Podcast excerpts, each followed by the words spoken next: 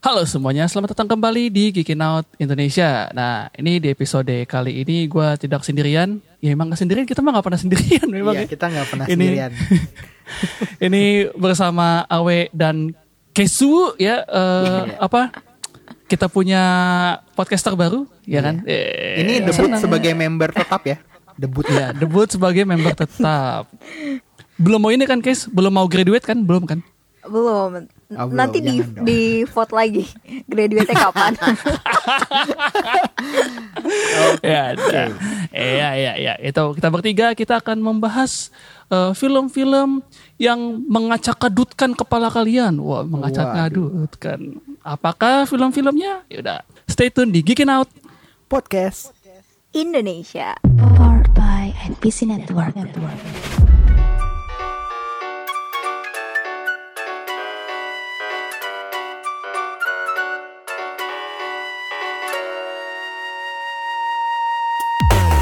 Jadi acak adut ini sekarang bahas apa nih? Acak adut tuh gimana nih, Man? Iya, film-film yang mengusik kepala kalian. Wah, Eh, Mind blowing. yang mind blowing. Wah, open Yang- minded. Oh enggak ya? Iya, yang eh pemain beda dong. Oh, pemain beda. itu bukannya kata yang nggak nggak boleh kita Oh, ucapin. itu itu itu di, di Discord sebelah, bukan di sini. Oh, di diskusi. Oke, oke. Bukan di sini. Tapi ini karena ini ya lagi rame serial Netflix terbaru ya, ya nggak sih? Iya, Ya, betul. Judulnya apa tuh? Queen Gambit. Men are gonna come along and want to teach you things. Doesn't make them any smarter. You just let them blow by, and you go on ahead and do just what and how you feel like. Someday you're gonna be all alone, so you need to figure out how to take care of yourself. Tell the readers of life how it feels to be a girl among all those men. I don't mind it. Chess isn't always competitive. Chess can also be beautiful. Wih, gue tuh ta- gue tuh tadinya tuh ada kan kita tuh belum ada yang nonton kan awalnya kan, Iya gak sih? Iya benar-benar sih betul betul. Personal kita ada tuh belum ada yang nonton. Yang nonton tuh cuman cacing doang kalau nggak salah. Cacing. Cacing Iya, ya. betul. Gue bahkan belum, gue malah mikirnya Queen Gambit ini eh, Gambitnya Marvel tadinya. Waduh. Terus pas lihat posternya, oh bukan, gue kira Gambitnya Marvel. Tapi lucu kan? Lucu kan? Mbak? Mbaknya lucu kan? ya, mbak-mbaknya U. Iya, mbak mbaknya u. Nah, awalnya kan gue mikir kayak, oh ya, nggak ada yang bahas Queen Gambit nih. Gue gue awalnya pengen kayak, ya udahlah, yang bahas-bahas recent, yang yang tren-tren terbaru gitu, biarkan geek bahas saja atau para geekolopus gitu kan. Eh Ya, ternyata ya. salah satu member terbaru kami itu etos kerjanya tuh besar sekali. Dia langsung langsung nonton maraton sampai beres dan nggak lu nggak berarti nggak non nggak nontonnya nggak nontonnya nggak skip skip skip doang kan maksudnya lu juga Enggak. apa hayati dengan baik kan Hayati dengan baik. Buktinya Iya. sampai nangis. Ya. Waduh, coba tunjukin Coba. mana mata sembabnya, mata mata sembabnya, ayo, ayo mata sembabnya. aduh kayak ini lo kayak acara-acara TV gitu Iya, ih. Gimana sih Norman ih? jadi gimana guys Eh, apa namanya apa yang keren dari King Queen's Queen Gambit ini ya Queen's Gambit Sebenarnya mungkin yang keren adalah eh, ini menurut aku bukan eh, masuknya lebih ke film-film yang nonjolin kayak biografi tapi fiksional gitu loh. Kayak gimana ya? Hmm. Sebenarnya tokoh gitu loh. Jadi kayak dia bukan bukan ceritain eh s- yang Sosok bukan asli. cerita itu sosok asli tapi sebenarnya itu gimana caranya satu satu sosok ini menjadi sosok yang benar-benar dielu-elukan oleh orang banyak sih sebenarnya. oh kayak Sherlock Holmes gitu ya Iya Ya. kayak tapi kalau Sherlock Holmes kan eh, dia nggak nggak games maksudnya eh, bukan bukan games gitu kan maksudnya em, bukan by winning kan Mm-mm. Oh ya, oke oke. kayak kayak em, kalau misalnya ini tuh dia tuh kayak sportsmanship gitu loh. Kayak misalnya kalau misalnya kita bisa bandingin ini pasti eh, sa- mirip sama misalnya kalau eh, film-film kayak misalnya Alan Turing. Terus atau film-film about time. Eh about time yang apa eh uh, theory of everything Mm-mm. Ah, iya. jadi iya. kayak kayak uh, mungkin banyak orang yang gak setuju tapi ini ini ini opini aku ya jadi uh, ini tuh cerita tentang bagaimana orang yang nggak bukan siapa-siapa jadi siapa-siapa jadi siapa-siapa intinya sih kayak gitu sebenarnya cuman Oh, from zero to hero gitu ya? Iya, from zero to hero. Jadi kayak mau kasih tahu kalau misalnya uh, si tokoh ini tuh bisa jadi jadi orang hebat kayak gitu sih. Itu yang yang sebenarnya inti dari si inti dari kayak dari series ini. Jadi kayak ceritanya tuh shonen banget gitu ya? Iya, shonen tapi di uh, yang cewek gitu loh. Eh, apa Nggak maksudnya bukan seinen. from zero to hero gitu yang awalnya perjuangan seseorang lah. Pencarian Iya, jati diri apa segala macem gitu. Betul, tapi di dikemasnya secara jose. Iya, iya, iya. Oh. Soalnya Kayak gitu sih. ini diperankan oleh ini ya karakter utamanya tuh Anya Taylor Anya, Joy. Mm-mm, Anya Taylor Joy, betul betul. Oh, kirain hanya selalu benar. Tapi menarik sih kalau ada versi Anya selalu benarnya, gue juga kayaknya bakalan nonton sih kayaknya. Emang menariknya kenapa? Cocok mukanya juga, cocok polos-polos gitu loh. Iya. Menarik, menarik. Terus eh, apa namanya? Dan ini tuh dia mainnya main catur kan? Main catur, main Main catur.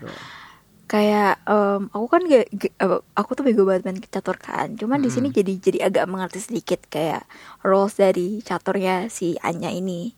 Dan Hmm. perlu banget kita apa namanya? Kita eh, underline apa namanya? Di eh, garis di- bawahi, di, di Highlight, highlight, ya, underline, di bold. underline, di bold Warna adalah pink, ya, terus ya ini adalah cerita diangkat dari eh, novel ya novel Ah.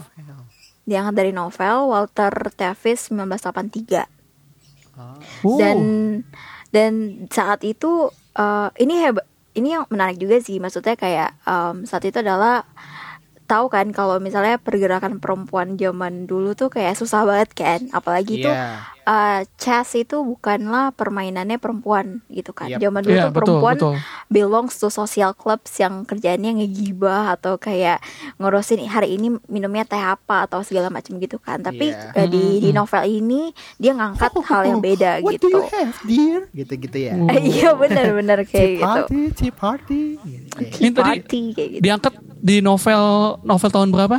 1983 dengan judul yang sama The Queen's Gambit Oh, berarti nggak soalnya gini, gue bisa ngerti sih kenapa ini eh, relate untuk orang zaman sekarang karena zaman dulu tuh, apalagi 1983 itu tadi yang kayak Kes bilang kan, Belum em, itu. perempuan sangat minoritas. Terus yang kedua adalah di saat saat itu tuh cowok-cowok itu adalah masa-masa cowok paling maskulin. Itu eh, waktu-waktunya James Bond, Oh, iya terus benar-benar sih novel apa novelnya si Stephen King juga di situ. Star Wars.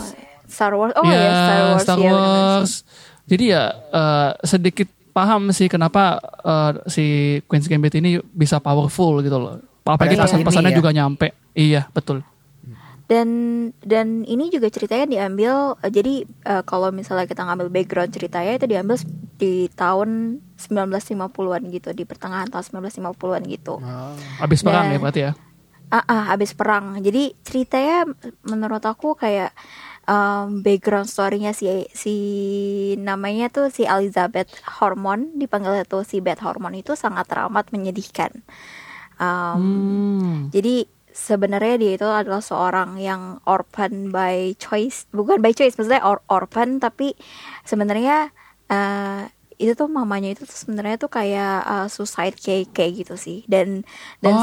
si dan si Beth itu tuh ber- ngelihat di depan mata dia sendiri kayak gitu loh. Oh, oke. Oh. Dan untungnya si Beth itu tuh kayak eh, nggak ikutan apa namanya bukan nggak ikutan sih maksudnya untungnya si Beth itu nggak ikutan mati gitu loh nggak ikutan meninggal saat eh, kejadian itu gitu sih. Ya ya ya ya ya ya. dan background story-nya dia tuh sangat teramat menyedihkan karena kayak ibunya itu sama bapaknya. Misalnya ada be- beberapa scene yang ngasih tahu bapaknya terus akhirnya ada penolakan dari bapaknya untuk em, si Beth sendiri. Gara-gara mamanya waktu waktu itu em, misalnya nolak si bapaknya untuk kembali dan lain sebagainya gitu kan Terus akhirnya dia dia dipindahin ke eh, sebuah panti asuhan gitu, panti asuhan Christian namanya eh, Mercuan.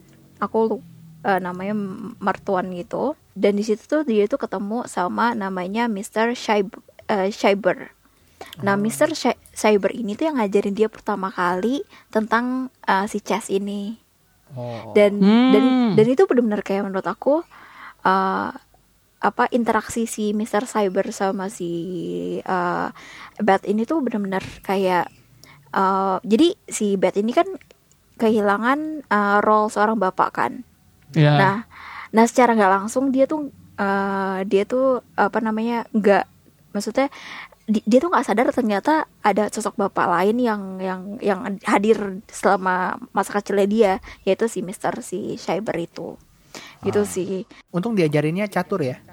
Iya bener bener Soalnya kalau misalkan diajarinnya bridge, ntar di Iya. endingnya tuh ngelawan Bambang Hartono kayaknya.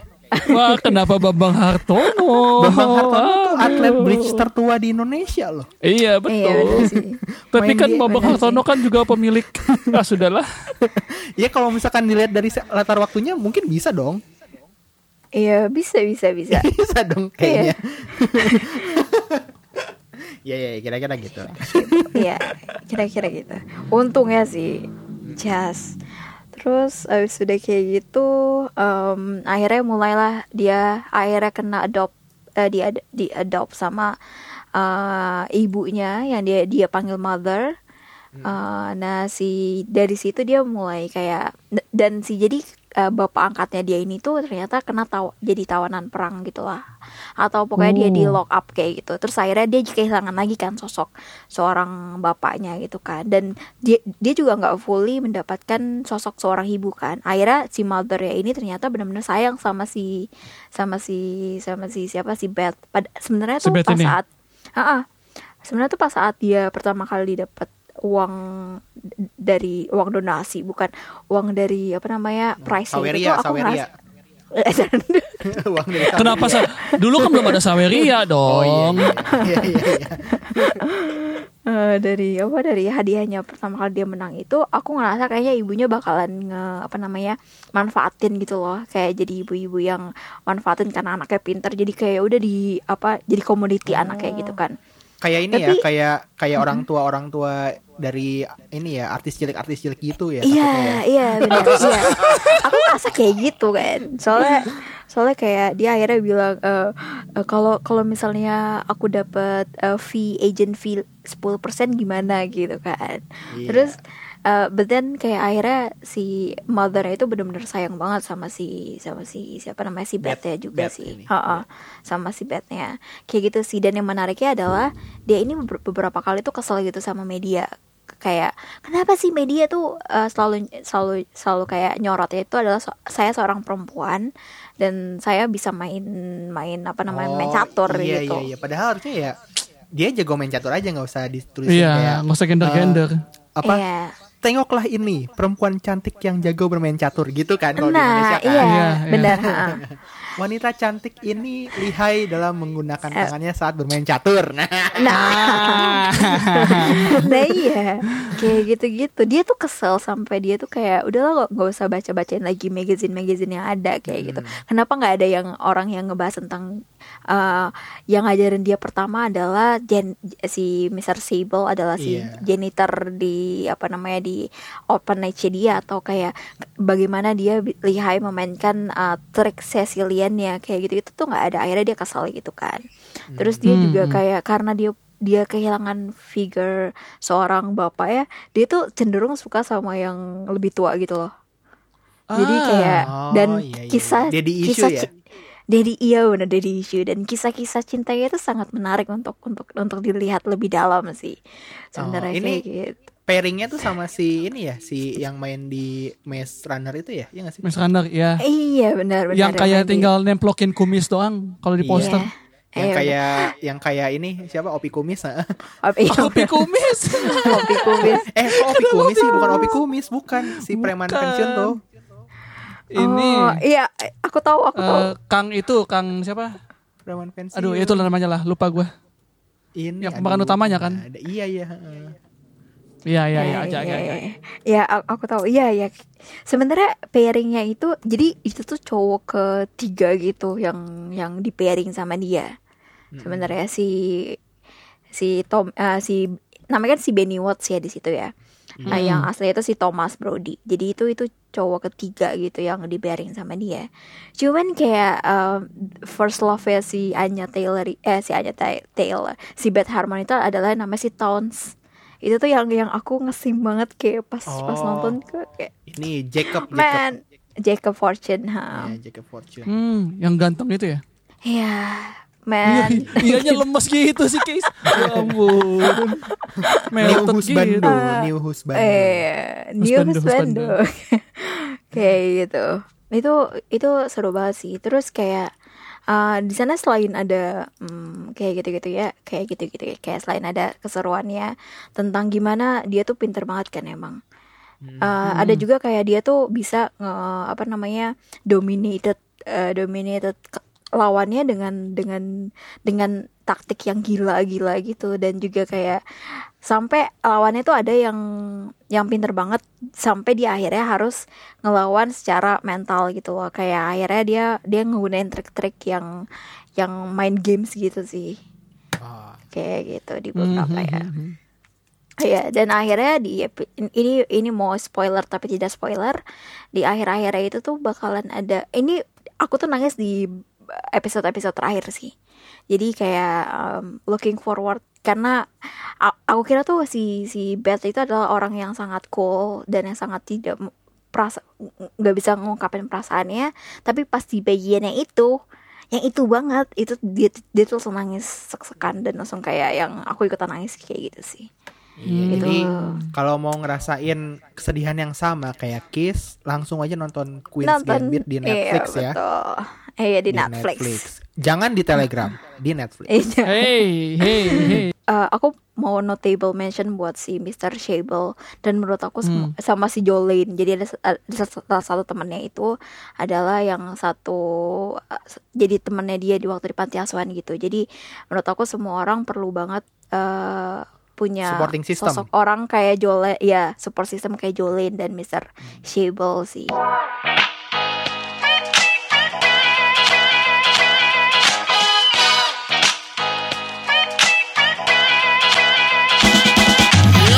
Oke, nih ngomong-ngomong soal dunia percaturan dengan segala jenis eh, kesulitannya. Nih film selanjutnya sepertinya satu caturan juga, we ya. Iya, betul. Betul sekali. Satu caturan, tapi mungkin lebih ribet karena kita tidak ngerti karena pakai pakai apa katana, eh katana apa apa namanya tuh huruf-hurufnya tuh. Apaan? Huruf-huruf apaan? Ya oke lah ini biar Awe aja jelasin deh. Nih apa Awe film selanjutnya We? Sebenarnya gue tuh pengen ngomong ini dari dulu ya. Cuman belum ada platformnya, belum kes- ada kesempatannya. Cuman gue mau ngomong bahwa Hikaru no Go tuh lebih bagus daripada Death Note, guys. Why? Taruh ini di highlight, taruh ini di highlight nanti. biar memancing banyak orang ya. gue baca dua-duanya, tapi gue lebih Ah. gue lebih dulu baca Hikaru no Go. Hikaru no Go itu adalah cerita tentang eh, seorang ini ya remaja namanya Hikaru Shindo. Dia tuh nggak punya ada, dia tuh nggak punya bakat buat apa namanya main catur atau main ego ya kalau di sini kan main, main ego catur Jepang. Dia tuh sebenarnya tuh sering diajakin main sama kakeknya gitu kan. Sampai suatu saat dia lagi di rumah kakeknya itu dia ke loteng atas dia nemu ada papan igo yang eh, tua dan ada bercak darahnya. Pas waktu dia sentuh pertama kali tiba-tiba langsung duk duk duk duk lampu center ma- mati padam mati padam gitu kan. Oh berarti lagi Oke. hunting mode. Lagi hunting mode. Ini pasmofobia. Kenapa fasmofobia? jadi fasmofobia salah salah.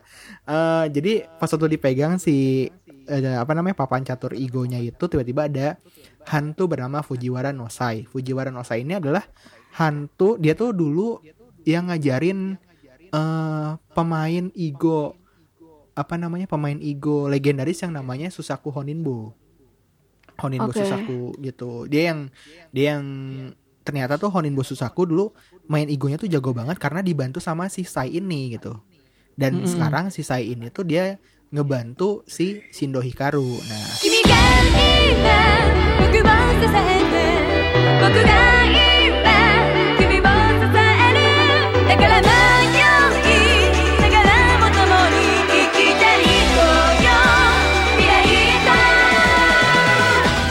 si Hikaru Shindo ini si Shindo ini eh, apa namanya berlatih lah cara main ego. Awalnya dari megangnya tuh megang gak bener gitu sampai diketawain sama si rivalnya ya si Akira. Akira gue lupa lagi Akira apa ya? Gue lupa lagi.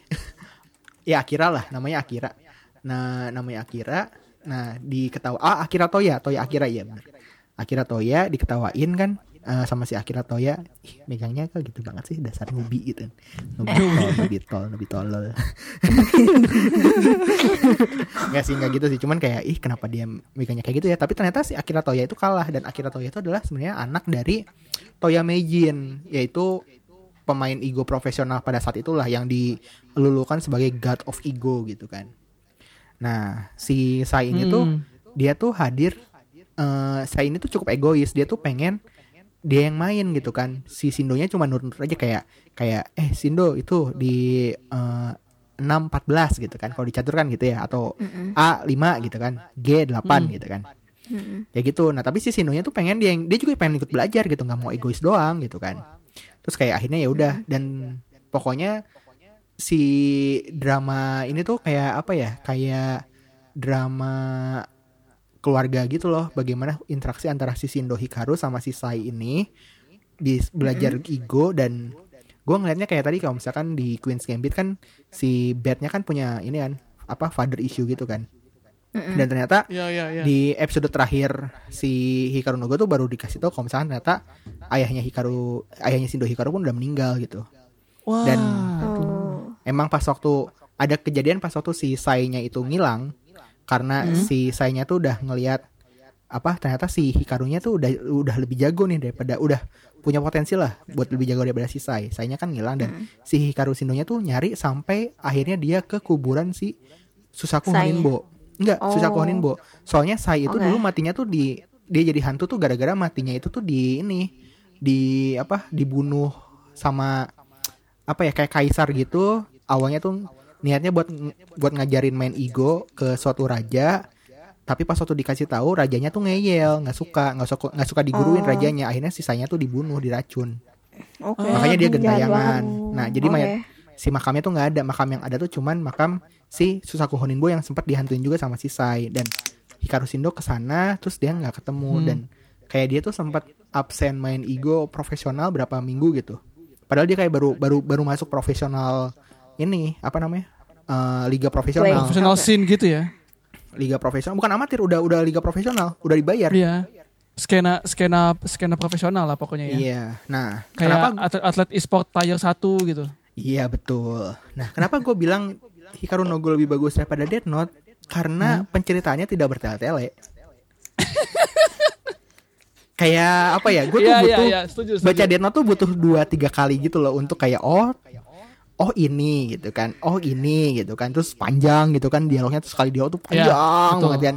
Kalau Hikaru no Panjang karena isinya info semua lagi. karena intinya ada sports dan apa namanya latar yang diambil tuh latar remaja gitu kan anak-anak remaja gitu Mm. lebih light gitu kan dan bahkan eh, si eh, si ini kan sebenarnya tuh Death Note sama Hikaru no Go kan sama ini kan sama-sama artnya kan sama si Takeshi Obata Ya, ya. writernya aja beda nih si Yumi Hota nah Yumi Hota tuh kalau misalkan Death Note kan emang terlalu serius ya nggak bisa ada bercanda-bercandanya Iya, paling betul, bercandanya susah. paling ngeriuk doang lah gitu kan Iya, itu juga iya. minta Iya. apel gitu atau apa kayak segala macam nah si Hikaru no Go tuh kayak slam dunk jadi di tiap antar chapter tuh ada bercanda-bercandanya gitu ada cerita kayak si Yumi Hota baru beli GameCube yang ada game Hikaru no Go-nya terus kayak dia lawan Sai gitu dia cerita iya gue baru beli GameCube terus gue lawan Sai terus aku kalah aku bodoh gitu. Lucu lucu banget si si Yumi Hotanya gitu di, di dia cerita gitu kan bagaimana dia apa namanya dia sampai kayak riset ke kan di komiknya pun ada cerita em, ngeliatin industri ego di negara Korea Korea Selatan sama di Cina si Yumi Hotanya pun sampai riset ke sana gitu kan diceritain di sana tuh makan apa aja dan segala macam. Jadi kayak lebih light lebih lebih inilah lebih enak buat dibaca gitu kan. Dan apalagi kan masalahnya kan ego sendiri kan Ya. di Indonesia tuh bukan olahraga yang populer kan. Mm. kayak kita nggak tahu. Nah gara-gara ringannya itu tuh jadi kita memahami ceritanya pun nggak perlu harus tahu rulesnya ego gitu. Ah, kayak kayak slam dunk sebenarnya feelsnya slam dunk kan gitu. Apa namanya? Di tengah-tengah juga kan dijelasin kayak ada rules rulesnya segala macam kan. Ya, harus basket, nge-shoot, iya. three point itu apa? Oh, ya itu gitu. Mm, ini tuh mirip ini tuh Hikaru no Go adalah satu-satunya manga yang mendekati slam dunk. Wah. Waduh. Tapi jadi ternyata main main ego itu nggak nggak cuman tiba-tiba jadi putih, nggak cuma tiba-tiba jadi hitam semua gitu ya. enggak. Jadi eh, yang gue tahu tuh dia sebenarnya tuh main wilayah nangkep-nangkep wilayah kayak bikin-bikin inilah bikin bikin pulau gitu. Ah. Man- gimana caranya dari eh, berapa ya 52 kali 52 kalau nggak salah 52 titik kali 52 titik itu tuh lu dapat wilayah yang paling besar. Dan salah satu cara buat apa namanya dapat wilayah yang paling besar lu bisa makanin wilayah orang dengan dikepung gitu Ah, oh, oke oke, I see, I see. dan to be honest, to be honest pun gue tuh nggak nggak ngerti-ngerti banget. Maksudnya kayak kalaupun gue main pun gue juga nggak nggak tahu gitu caranya gimana. Cuman karena storynya juga emang enak gitu buat diikutin jadi yang gue nggak masalah sama kalaupun gue nggak nggak terlalu mengerti gitu. Teknik-teknik segala macamnya tuh udah advance dan diceritanya juga pun emang dari pas waktu si Hikarunya belajar belajar main ego sampai dia masuk ke apa namanya liga profesional Profesional. Ah, oh, oke oke, I see, I see. Oh, ini menarik. Cuman ya apa namanya eh, main gamesnya kan itu kan. Pa- apalagi di di akhir tuh kayak iya ini tuh kayak slam dunk banget. Soalnya di akhir tuh si si Hikaru tuh kalah. Pertandingan terakhirnya tuh kalah. Hmm. Kenapa kalah? Ya, memang karena sengaja ya karena lebih jago musuhnya gitu. Cuman Oh. cuman si kan kalah nih. Terus kayak si lawannya tuh Korea. Gue lupa namanya siapa. Pokoknya lawannya Korea lah. Jago banget anak pemain ego berbakat itu kan. Terus kayak apa namanya? Si tapi si Hikarunya tuh kayak nggak mau nyerah gitu kan bisa nyerah di tengah-tengah kan kalau misalnya lu udah pasti kalah. Si Hikarunya tetap main gitu kan sampai cuman beda setengah lima komi apa eh, setengah komi kalau nggak salah. Komi tuh ukuran Oh. daerahnya ya. Nah, si lawannya tuh nanya, "Lu kenapa sih maksa banget pengen menang gitu? Apa yang lu kejar gitu kan?" Asik. Terus si Sindo tuh nginget sama Sai terus dia bilang kayak aku mengejar langkah dewa gitu. God's God's move gitu kan. Oke. Apa namanya? eh, cara bermain maksudnya cara bermain yang kayak Sai gitu kan. Terus si lawannya bilang kayak ya kalau itu sih semua orang juga seperti itu. Terus kabur gitu. Iya. Terus si Sindonya tuh kayak nangis gitu loh ngeliat ngeliat permainannya terus kayak ternyata aku belum sejago ini ya gitu. Masih harus belajar lagi. Kayak gitu. Tamat Ah. tamat itu gue ini gue denger itu aja kayak merinding banget eh. Emang sengaja ya di endingnya dibikin nanggung supaya eh, orang ber, ber- berspekulasi lah. iya ya apa dalam arti yang maksudnya nggak nggak selamanya harus menang terus gitu kan ternyata kan Betul. Iya kayak kayak di Slam Dunk aja. Gak Iya. selamanya protagonis harus menang terus. Mm-mm, tapi Bener sih. itu ending yang manis gitu kayak ya Kayak ada juga- manis-manisnya gitu ya. iya heeh, kayak gitu Kayak ada manis-manisnya itu minuman Iya, air walaupun- putih sebelah. walaupun sayangnya gini sih sebenarnya sayangnya tuh Hikaru no Go tuh ada dia tuh punya banyak karakter.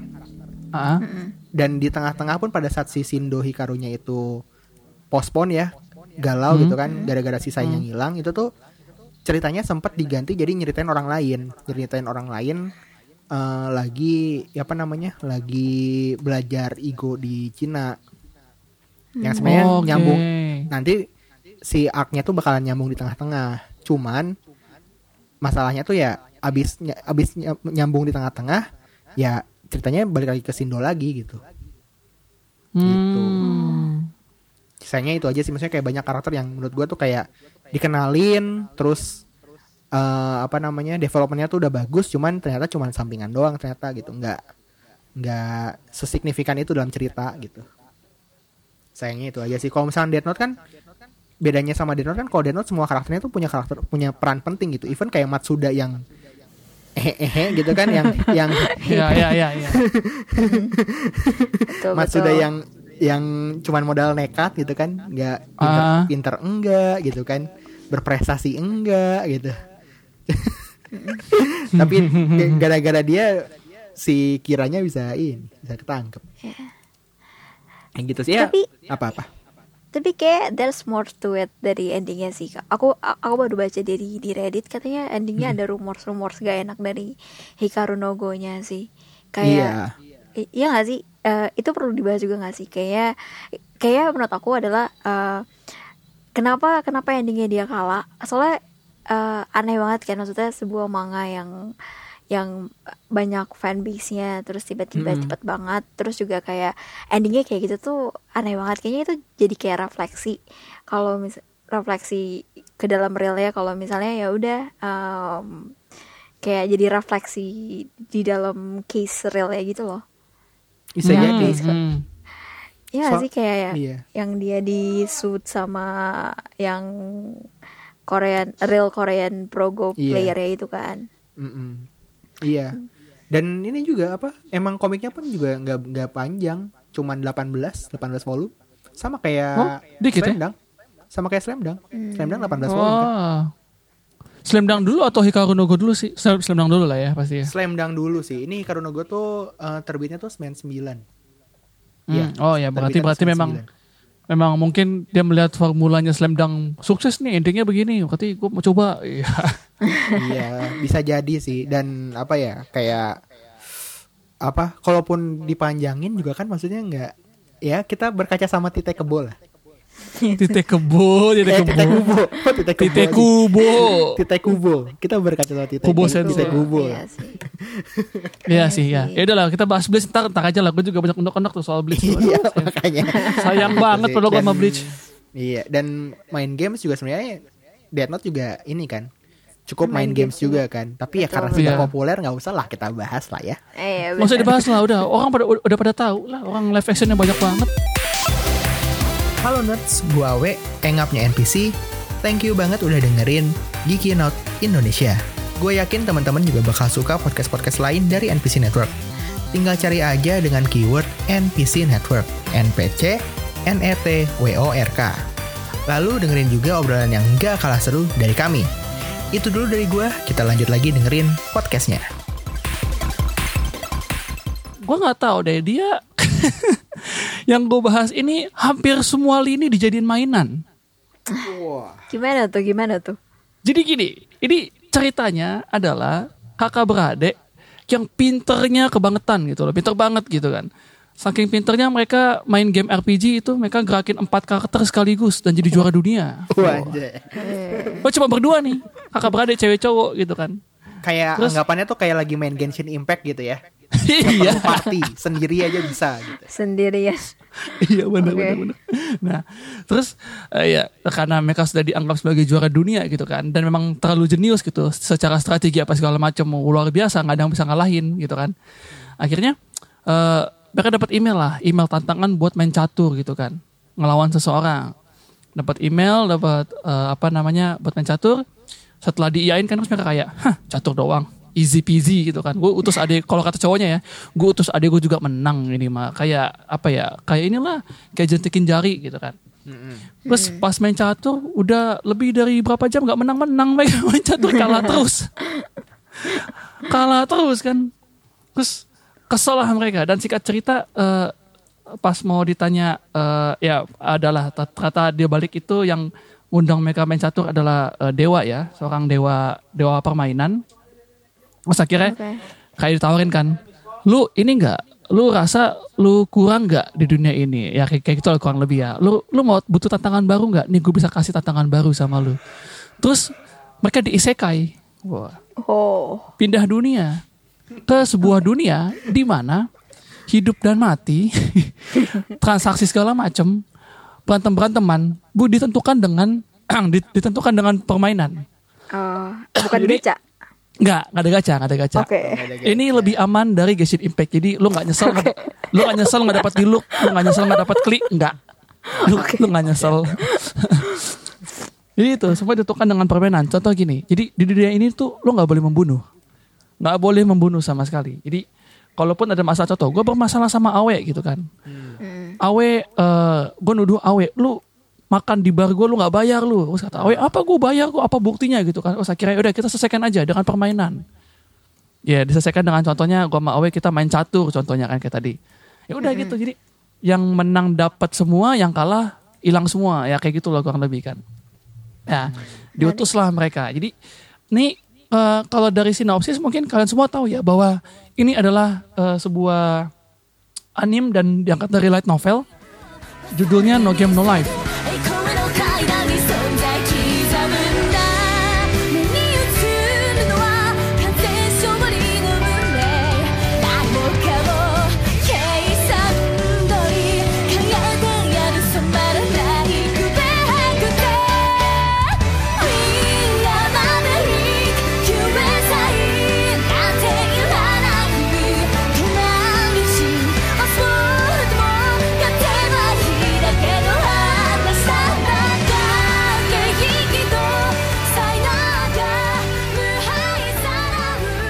Yang animasinya itu dibuat sama Madhouse walaupun grafiknya bikin silau mata memang. grafiknya neon-neon soalnya kan. nah, jadi entar dulu suara gue kenapa gini ya? Nah, iya. itu tadi kan itu tadi kan di ini Ah. ya, menentukan apa pun dengan permainan ya. Betul. Berarti Apa aja dijadiin mainan? berarti Gita Gutawa tidak bisa berarti. Karena kata Gita Bukan Gutawa permainan. bukan permainan. Kenapa ke sana lagunya? Kau tak bisa buat. Ah, Iya gitu. Nah jadi yang bikin seru sebenarnya adalah em, cara mereka main gitu loh. Cara mereka solve setiap permainan gitu kan. Cara mereka membongkar setiap permainan yang ada. Contoh nih eh, ada main kartu gitu kan. Atau ini bahkan main dadu aja deh. Main dadu aja mereka tuh ngitungin gitu loh. Sekian persen kemungkinannya, kocokannya sekian persen. Terus eh, apa namanya yang akan keluar apa gitu loh. Terus dari sekian persen itu nanti gue yakin dia akan ngeluarin 5 dan 4 contohnya gitu kan. Dan emang bener keluar gitu gitu loh berdasarkan perhitungan gitu loh. Terus mereka bisa tahu mana yang curang, mana yang enggak hanya berdasarkan eh, penglihatan mereka dan pengetahuan mereka tentang rules dari game itu. Wah, itu yang bikin seru. Jadi ada satu scene yang gue suka tuh waktu mereka main catur gitu kan. Jadi tantangannya adalah bermain catur gitu.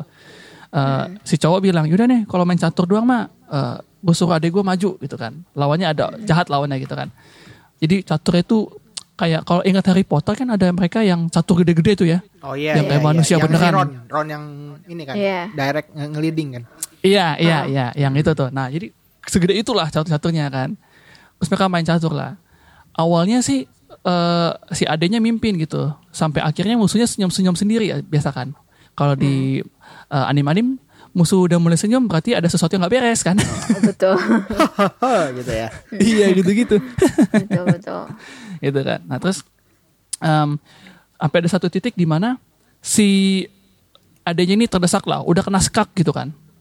Terus ya kalau logika manusia kan kalau raja lu kena skak berarti lu harus mengorbankan pion lu dong untuk mencegah raja lu tidak dimakan gitu kan. betul Terus dia coba majuin pionnya dia suruh pion B eh pion kamu ke B5 gitu kan. Tapi pionnya nggak mau gerak gitu kan. Makin ketawa lah yang jahat. Ah kamu nggak ngerti ini rulesnya kamu nih gitu gitu kan. Ya udah akhirnya setelah abangnya lihat baik-baik baru dia ngerti bahwa sebenarnya permainan catur yang lagi mereka mainin itu bukan hanya berdasarkan gerakin pion, tapi pionnya sendiri punya perasaan. Wah, Wah. ketahuan. Ketahuannya waktu permainan. Ketahuannya waktu si abangnya tiba-tiba dia kasih semangat. Lu mau lihat adik gue nangis. Lu mau ngeliat ratu kalian menangis di atas sana. Lu tega liatin seorang ratu menangis demi kalian. Hai, rakyat-rakyat jelata gitu-gitu. Akhirnya terbakar lah si pion-pionnya kan semangatnya. Jadi wow, akhirnya dari perang catur jadi perang barbar gitu loh. Oh, jadi jadi perang bebas gitu dan itu jadi ya itu sih yang bikin gue senang adalah gimana mereka nge-solve mainan-permainan terus gimana walaupun Oh berarti Eh, permainannya nggak cuma catur doang? Enggak, enggak cuma catur, ada banyak.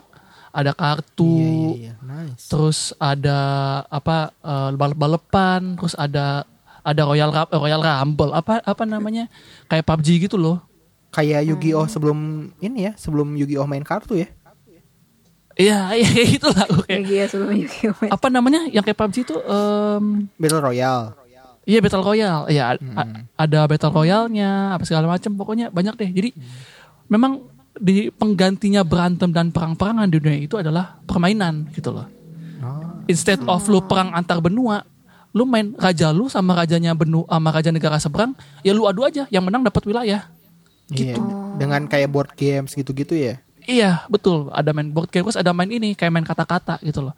Hmm, Jadi contoh kayak Iya, main kata tapi apa yang lu ucapkan kejadian. Oh. Contoh kayak gini, em gue sama Case gitu kan, kita main adu kata. Gue bilang bumi, nanti kita tiba-tiba kel- keluar dari dari zona bumi ngeliatin bumi gitu kan. Terus Case, Case balas eh, oksigen, ntar oksigennya hilang. Gitu gitu. Pokoknya sampai ada emang- satu momen di mana emang si orang banget itu ya? nyerah. Iya, iya emang, aneh banget. ya. Tapi seru Maksudnya, banget iya. untuk diikutin. Iya. Asyik, asyik, asyik. Apa we, apa we, maksudnya apa tadi? Iya maksudnya ini emang secara produksi cocok banget buat anime gitu. Mm, mm, mm. Iya benar benar. Cocok banget, cocok banget, cocok banget. Gitu. Bahkan lu mau nantang dewa pun di sini ya pakai itu, pakai mainan, pakai game-gamean, catur lah, apalah. itu sayangnya cuman 12 episode ya si No Game No Life ini kalau nggak salah ada di Netflix kalau nggak salah ingat gue ya karena gue nonton juga Ada. waktu itu di Netflix ada kan Ada ada di Iya. Netflix. Oh, ada di Netflix terus kalian bisa lihat movie-nya juga ada movie-nya judul movie-nya itu No Game No Life Zero jadi eh, jauh sebelum kakak adik ini disaman ke dunia itu kan gitu Ini prequelnya gitu ya. ya prequelnya lah pokoknya ini Itu- 2014 Iya. mereka Itu tadi yang jahat tuh kalau misalkan dubbingnya Inggris tuh my my my gitu. jadi ara-ara jadi mai mai mai ya ara-ara ini mai mai mai jelek banget Dan ya, Ya. tadi selain tiga tadi juga banyak sih banyak ya yang sebenarnya kategori main games juga. Main games ya. Tapi Iya ya sih. kita bahasnya tipis-tipis aja lah. Iya, Dari inilah Bungo Stray Dog kan kan kan pengen bahas ini kan. Iya benar.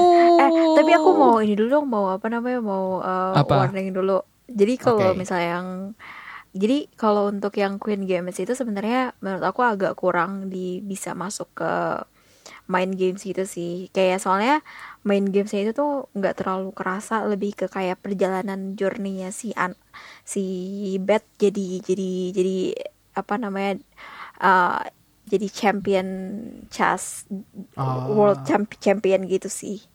Ini menurut aku ya. Hmm. Jadi tapi kalau misalnya kayak mau mau apa ini bridging ya dibilangin. Tapi kalau misalnya kayak mau yang bener main games banget bisa juga kayak nonton kayak Sherlock Holmes terus kayak yang paling baru itu di yang baru baru ada season 2-nya di Netflix itu The Alienist. Itu tuh bro itu tuh bener-bener kayak yang main main games itu parah banget. Kayak kita tuh ikutan menerka-nerka sebenarnya siapa sih dalang dari eh, apa namanya pembunuhan A pembunuhan B kayak gitu-gitu. Soalnya dia tuh Oh. bener-bener nggak ngasih tahu kayak dari dari segi eh, psikologi dan psikiatri ya gitu. Jadi dari kejiwaan mentalnya kayak gitu sih. Itu itu bener-bener kayak yang eh, waktu jadi misalnya kita udah mikir nih oh pasti si penjahatnya si A nih gitu kan. Tahu-taunya Mm-mm. besok-besok ternyata eh, pas si episode ketiga ya ternyata eh, eh, episode ketiga ternyata si yang kita mikir itu jahat itu Jahat. ternyata men- meninggal. Jadi kan nggak mungkin kan kayak gitu-gitu.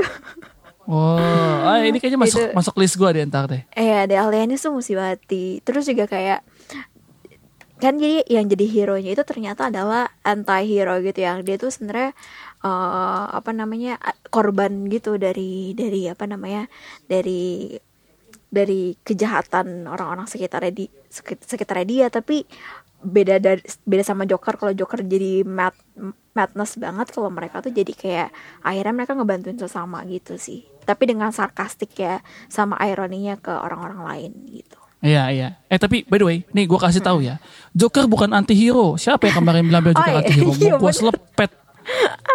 Joker bukan hero. Ini case cuma mengumpamakan aja sih case di sini Oh, yang iya, bilang Joker iya. anti hero ribut sama gue lupa deh.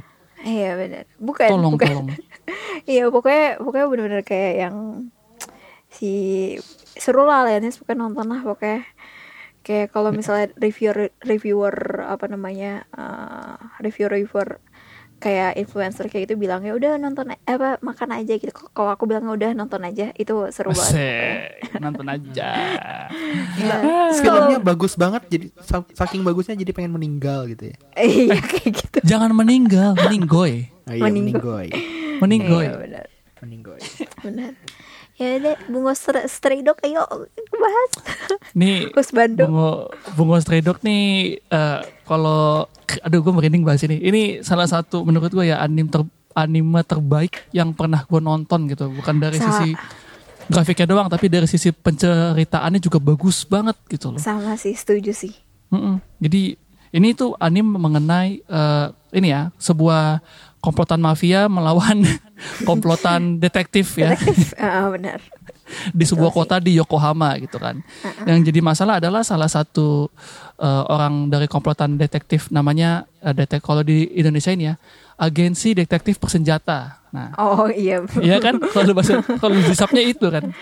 iya benar Salah satu anggota penting di agensi detektif bersenjata ini adalah dia mantan dari mafia. Mantan musuhnya. Namanya Dazai. Zaza Nah, yuk, Dazai yuk. ini orangnya uh, pintar, selain pintar dia juga it, hitungannya jenius ya case ya. jenius sih Jenius dan orangnya santai banget gitu loh. Dia juga yang menciptakan sebuah uh, penyiksaan yang sangat amat mendalam, teknik penyiksaan gitu sampai orangnya mau ngaku gitu loh dan bahkan terserang Bener. mental ya. Dan itu masih Bener. digunakan oleh Port Mafia sampai saat ini. Gitu. benar-benar Jadi ini ya itulah ceritanya mengenai perebutan kekuasaan gitu kan antara eh, mereka di Yokohama dan yang uniknya adalah setiap karakter memiliki power gitu loh, memiliki Iya, kekuatan. Dan Dazai adalah satu-satunya orang yang memiliki kekuatan di mana kekuatannya kalau dia nyentuh orang kekuatannya nggak aktif. Kekuatan orang itu nggak nggak aktif maksudnya. Iya. Oh, kayak Gitu. ini, kayak Toaru Kagaku no eh Manjutsu Index ya? Iya betul, betul, betul. Jadi kalau gua, gua contoh, Awe punya kekuatan eh, api gitu kan, Iya. bisa buat api gitu loh. Ini. Eh, gue kalau nyentuh awe lu nggak bisa keluarin itu we nggak bisa keluarin kekuatan lu we Iya, oh iya betul. kayak kayak Index berarti. iya betul emang Cu- Cuman Index lebih ini ya. Lebih waifu-waifuan ya berarti ya. Oh ini kan husbando husbando. Iya. betul di husband husband tapi tapi bukan maksudnya skill-skillnya itu ada ada yang sebenarnya eh, ada yang seru dari si Bungo Jurus-jurusnya. Stray Dogs ini. Mm-mm. Eh, jadi aku tuh pecinta apa literatur eh, Jepang ya jadi kayak eh, salsa-salsa Jepang tuh aku suka banget. Nah ternyata di Bungo Dogs ini karakter-karakternya adalah penulis-penulis semua. Penulis-penulis yang beneran Betul. ada di Jepang. Jadi kayak Osamu Dazai terus Akutagawa jadi Iya, kalau ada orang yang Jepang semua. Ah, ah, Akutagawa jadi kalau ada yang tahu eh, salah satu bukunya yang paling paling heboh itu namanya Kappa itu ada. Terus ada Fyodor juga Fyodor Ya. eh, Fitzgerald gitu-gitu. Terus juga pokoknya Cuya. Banyak.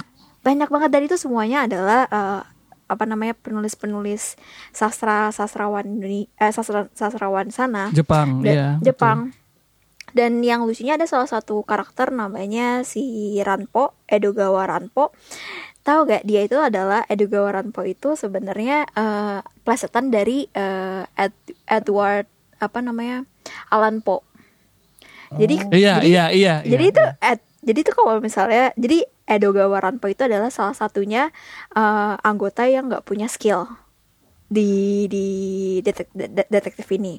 Nah tapi dia tuh yang paling sangat teramat dihormatin di situs kedua setelah si Dazai. Kenapa? Karena dia tuh punya skill deduksi yang benar yang yang pinter banget gitu loh. Nah Mm-mm. Nah dia itu eh dia itu suatu ketika di episode berapa itu ketemu lah beneran sama si apa Edward eh, si eh, eh, Edward ya di si Edgar Al- Allan Poe-nya beneran. Terus kayak mereka tuh tuh nah tapi kalau si Allan Poe-nya itu bener-bener eh, punya skill gitu loh.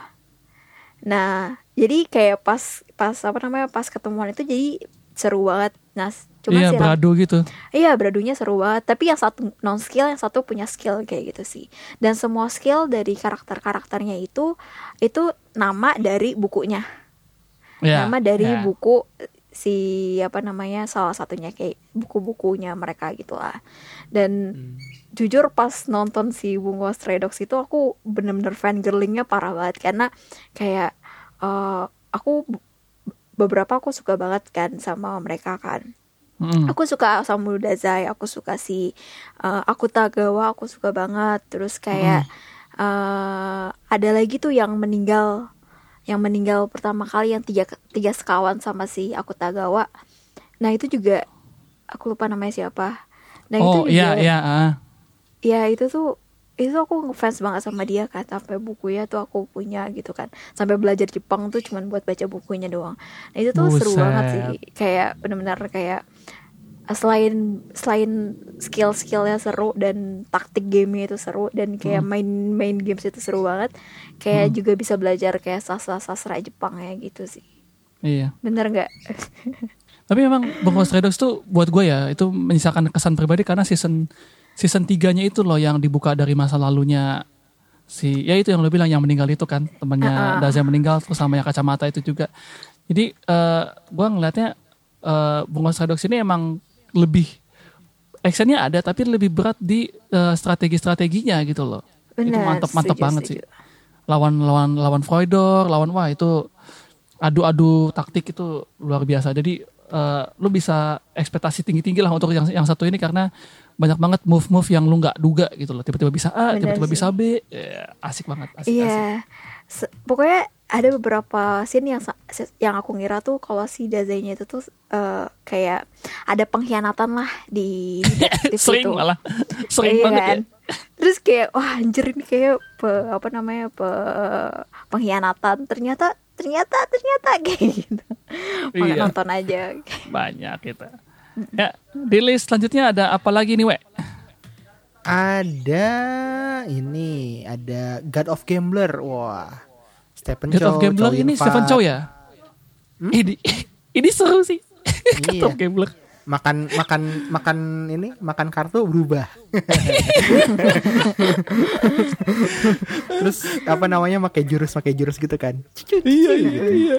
Tapi ada satu momen di God of Gambler yang gue lupa ini antara di God of Gambler. Kayaknya sih di God of Gambler deh. Jadi eh lo tau kan pamannya Boboho? Iya, tahu tahu yang, Yang pemisahan. pemisahan itu kan, ya. Ya, kan dia juga main tuh di God of Gambler kan? Mm-mm. Ya, jadi jadi kayaknya pas di final gitu si si Stephen Chow lawan siapa di final terus kayaknya dia kayak terpengaruh obat-obatan gitu loh.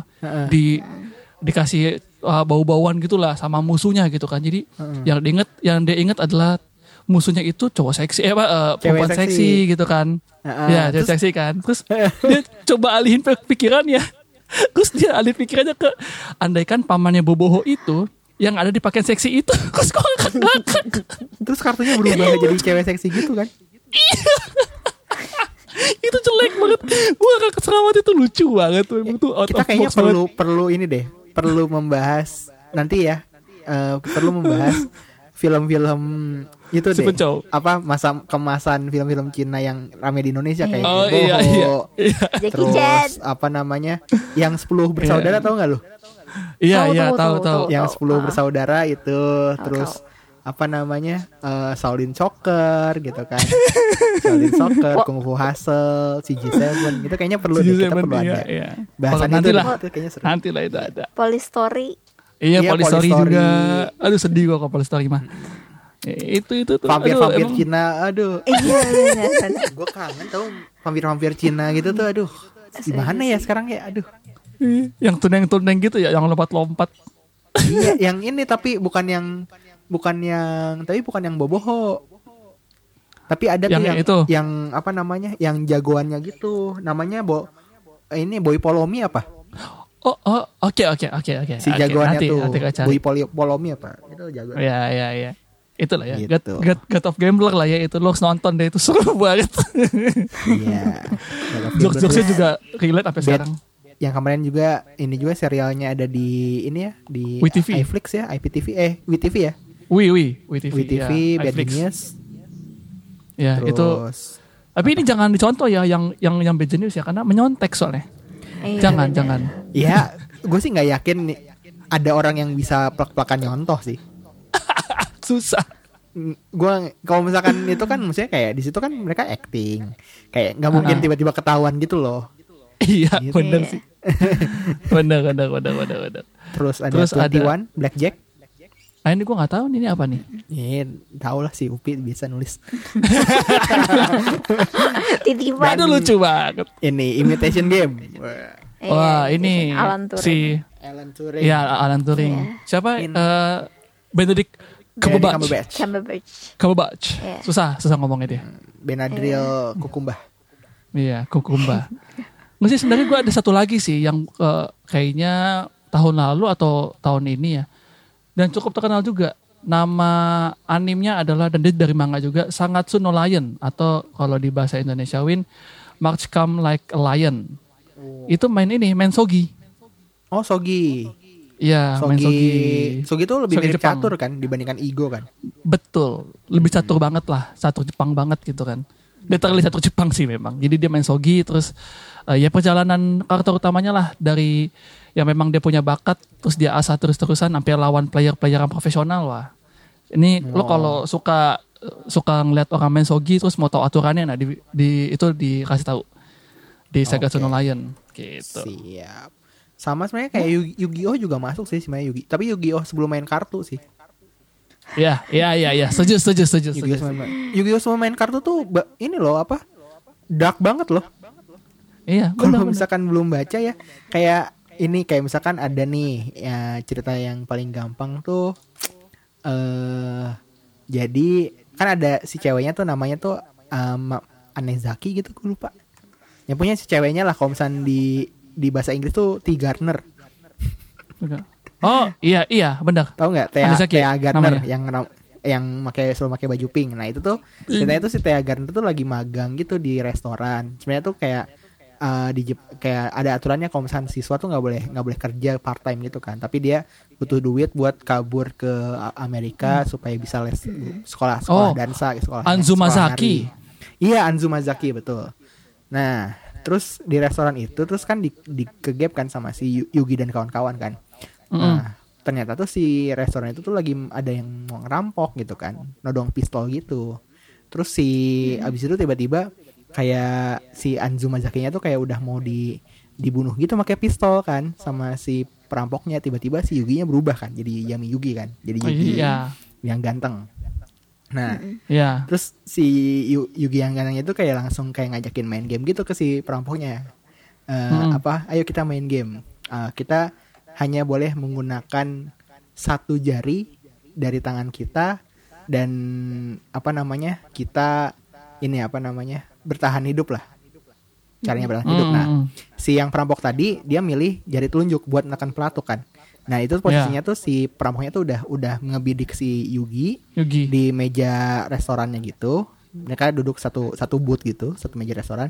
Pistolnya udah ngebidik si Yugi terus tangan kirinya tuh lagi masukin alkohol, bir gitu kan ke gelas. Nah, Hmm, oke. terus si Yugi milih jempol. Si Yugi milih jempol. Nah, Hmm. kalau aku sih kayak kalau aku milih jempol gitu kata dia kan, dia jempol. Ah, jempol buat apaan ini segala macam kan. Nah, si perampoknya tuh lagi nge- lagi nyebat tapi belum di belum dinyalain si si rokoknya. Nah, si Yugi nyalain si rokoknya kan. Terus gitu Hmm. kan. Oh, lu mau mau makasih ya udah udah kayak si perampoknya udah kayak merasa di atas angin aja kayak udah mah dia apa tinggal nembak gitu kan terus nge- apa namanya dinyalain si rokoknya kan sama si Yugi kan. Nah, terus si si lighternya itu tuh dipasang di eh apa namanya? di atas eh, di dekat di dekat ini. Pokoknya di telapak tangannya dia lah pas waktu lagi lagi ini kan lagi masukin bir kan. Nah jadi dia nggak bisa gerak tuh si perampoknya tuh. Ah, sampai oke, oke.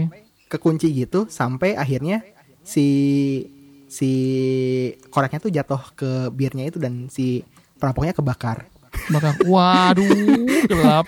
Gelap, gelap itu cuy.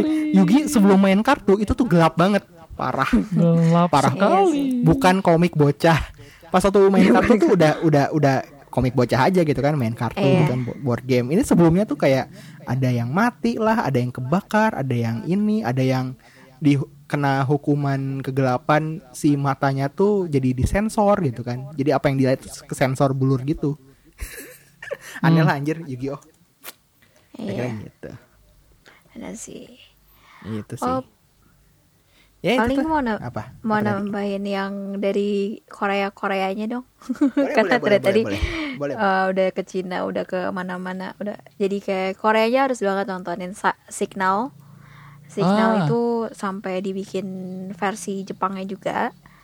Itu ceritanya tentang bolak-balik dari apa past to prison tapi kayak ngasih taunya dari dari apa dari radio gitu. Jadi Hmm. bola, tontonlah itu sangat thrill uh, dan seru banget sih. Terus juga ada Misaeng. Ini kalau yang tadi itu tentang pembunuhan dan DKK DKK yang serem-serem kayak gitu. Kalau Misaeng itu tentang gimana gimana caranya bikin strategi untuk survive di dunia orang dewasa kayak gitu. Di dunia Oh. perkantoran dengan politiknya yang Oh iya, iya. agak-agak Harus- menyebalkan kayak gitu. harus jilat salah sini Iya benar. harus itu Iya, iya. iya Iya, nah itu juga misalnya juga menurut aku main games untuk uh, mempersiapkan diri di masa depan. asik gila ya kira-kira itu aja ya untuk episode Iya. kali ini Ya ya. Oke oke.